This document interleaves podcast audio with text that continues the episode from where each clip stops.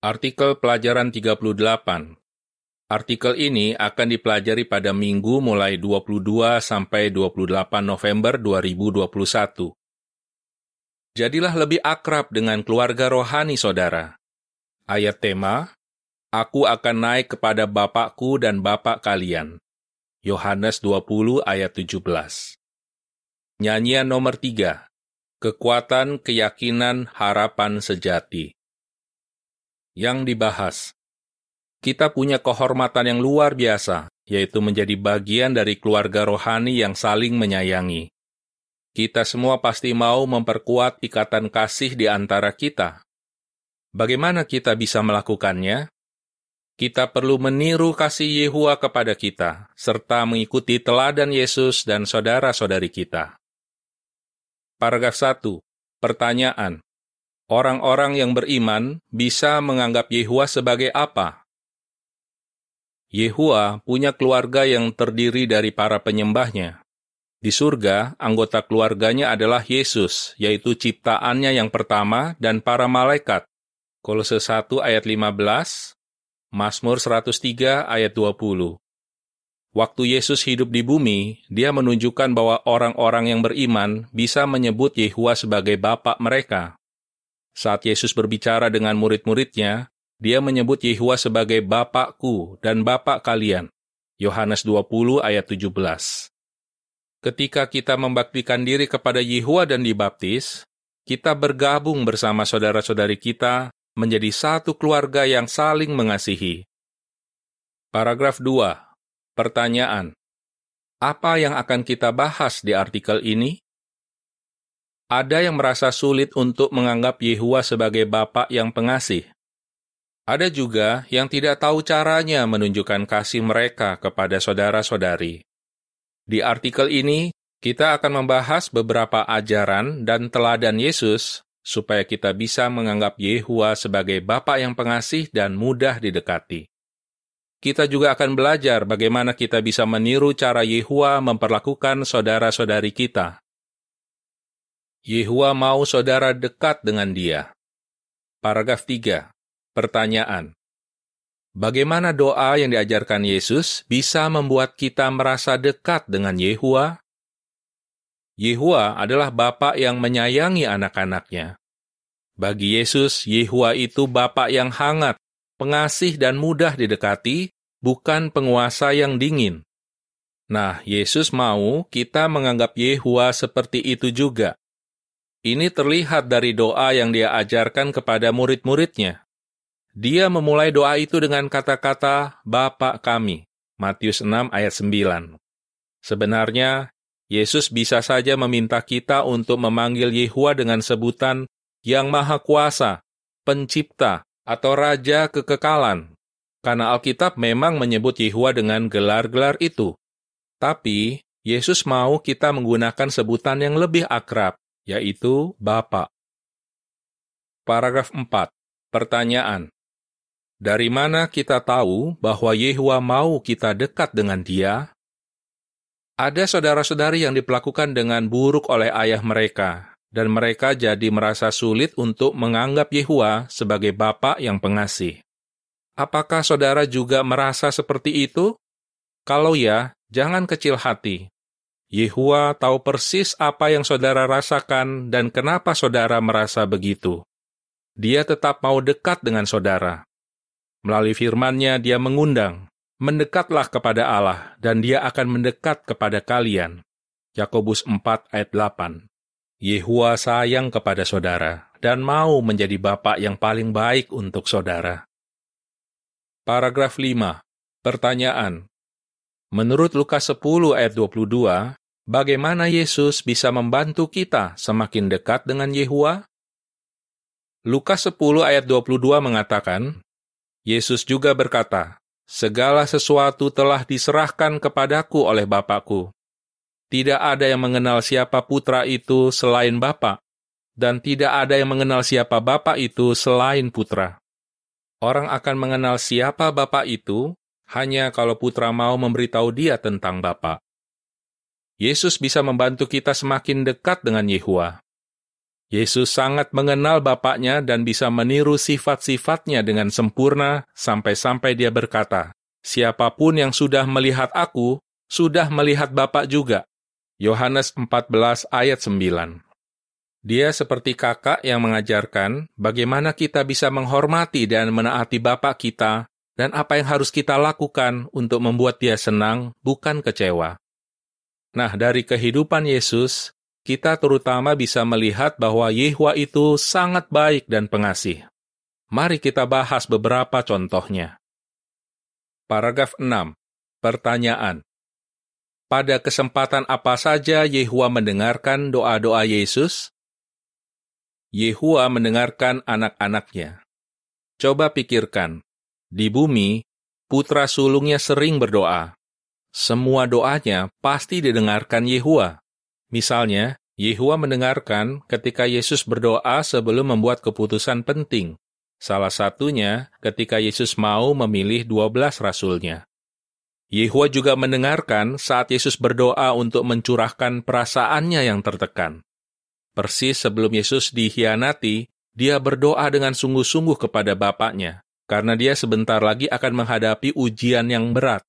Yehua tidak hanya mendengarkan doa Yesus, tapi dia bahkan mengirimkan malaikat untuk menguatkan putranya yang dia sayangi itu. Gambar untuk paragraf 6. Sebagai bapak yang pengasih, Yehua menguatkan putranya melalui malaikat. Berikut ini adalah keterangan untuk gambar yang dibahas bersama paragraf 6. Yehua mengirimkan malaikat untuk menguatkan Yesus di Taman Getsemani. Paragraf 7. Pertanyaan. Bagaimana perasaan saudara karena tahu bahwa Yehua mendengar doa-doa saudara? Sekarang, Yehua masih terus mendengarkan doa hamba-hambanya, dan dia menjawab mereka pada waktu yang tepat dan dengan cara yang terbaik. Perhatikan pengalaman seorang saudari di India. Dia sempat berjuang menghadapi rasa khawatir yang berlebihan. Dia pun berdoa dengan sungguh-sungguh untuk meminta bantuan Yehua. Apa hasilnya? Dia menulis, acara JW Broadcasting bulan Mei 2019 tentang cara mengatasi kekhawatiran dan kecemasan sangat cocok buat saya. Itu jawaban doa-doa saya. Paragraf 8. Pertanyaan. Dengan cara apa saja Yehua menunjukkan kasihnya kepada Yesus? Yehua sayang dan peduli kepada kita sama seperti dia sayang dan peduli kepada Yesus ketika Yesus menjalankan tugasnya yang berat di bumi. Yehua menyediakan semua kebutuhan rohani, kebutuhan jasmani, dan kebutuhan emosi Yesus. Yehua juga tidak segan-segan menunjukkan bahwa dia sayang dan berkenan kepada putranya.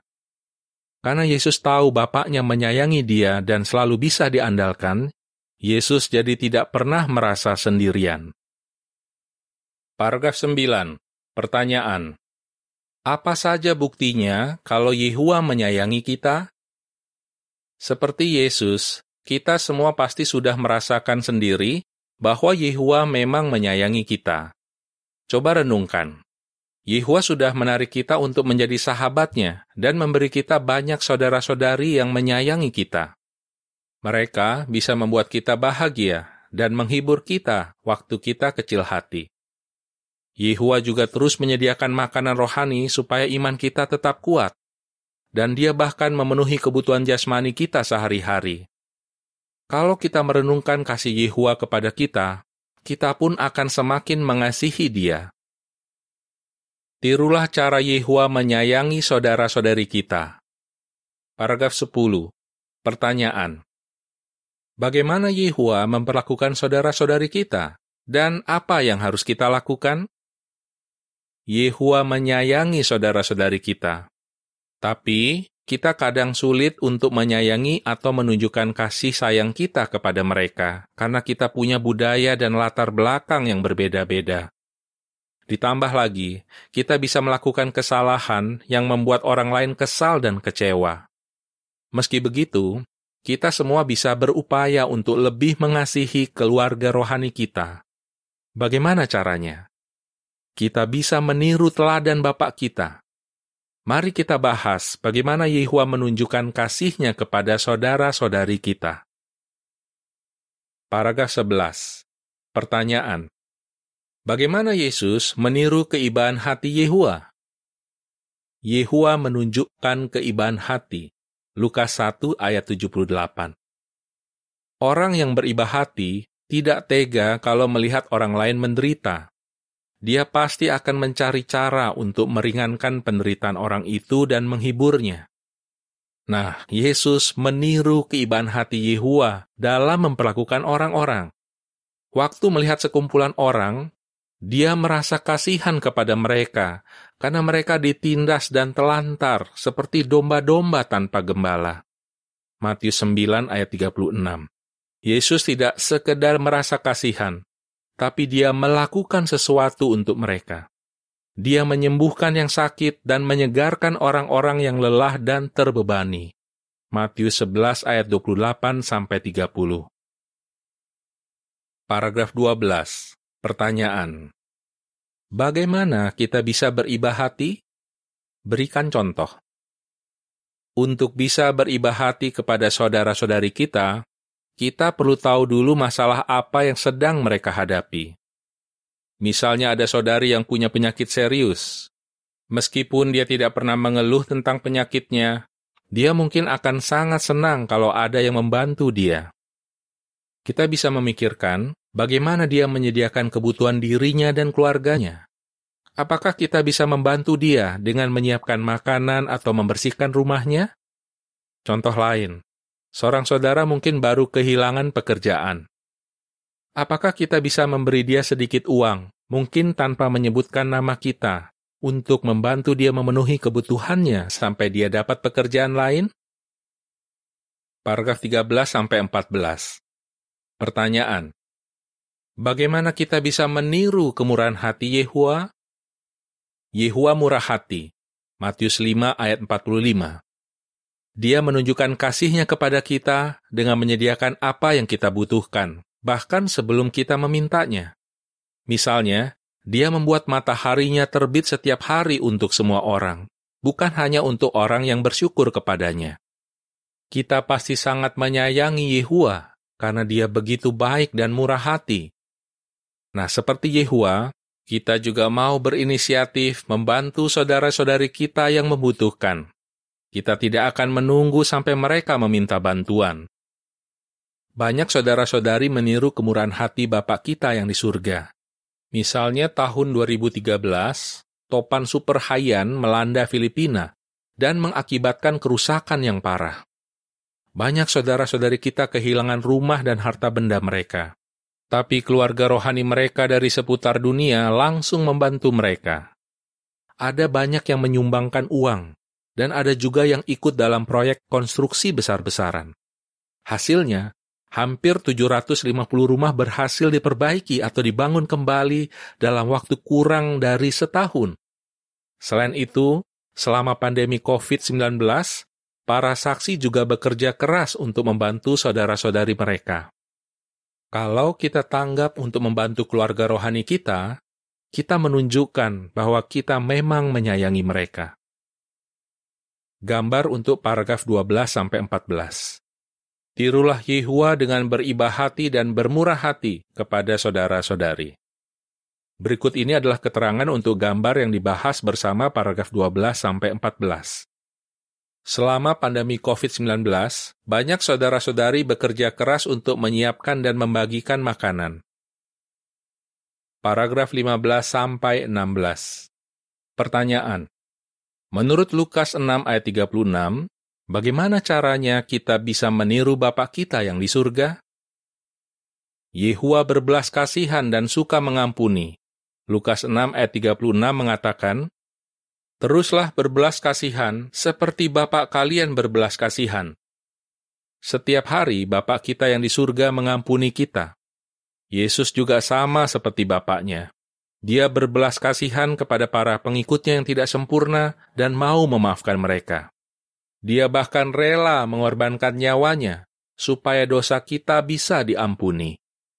Karena Yehua dan Yesus berbelas kasihan dan suka mengampuni, tidakkah saudara tergerak untuk mendekat kepada mereka? Kita bisa memperkuat ikatan kasih dalam keluarga rohani kita kalau kita saling mengampuni dengan tulus. Efesus 4 ayat 32. Kadang mengampuni orang lain bisa sangat sulit. Jadi kita harus berupaya melakukannya.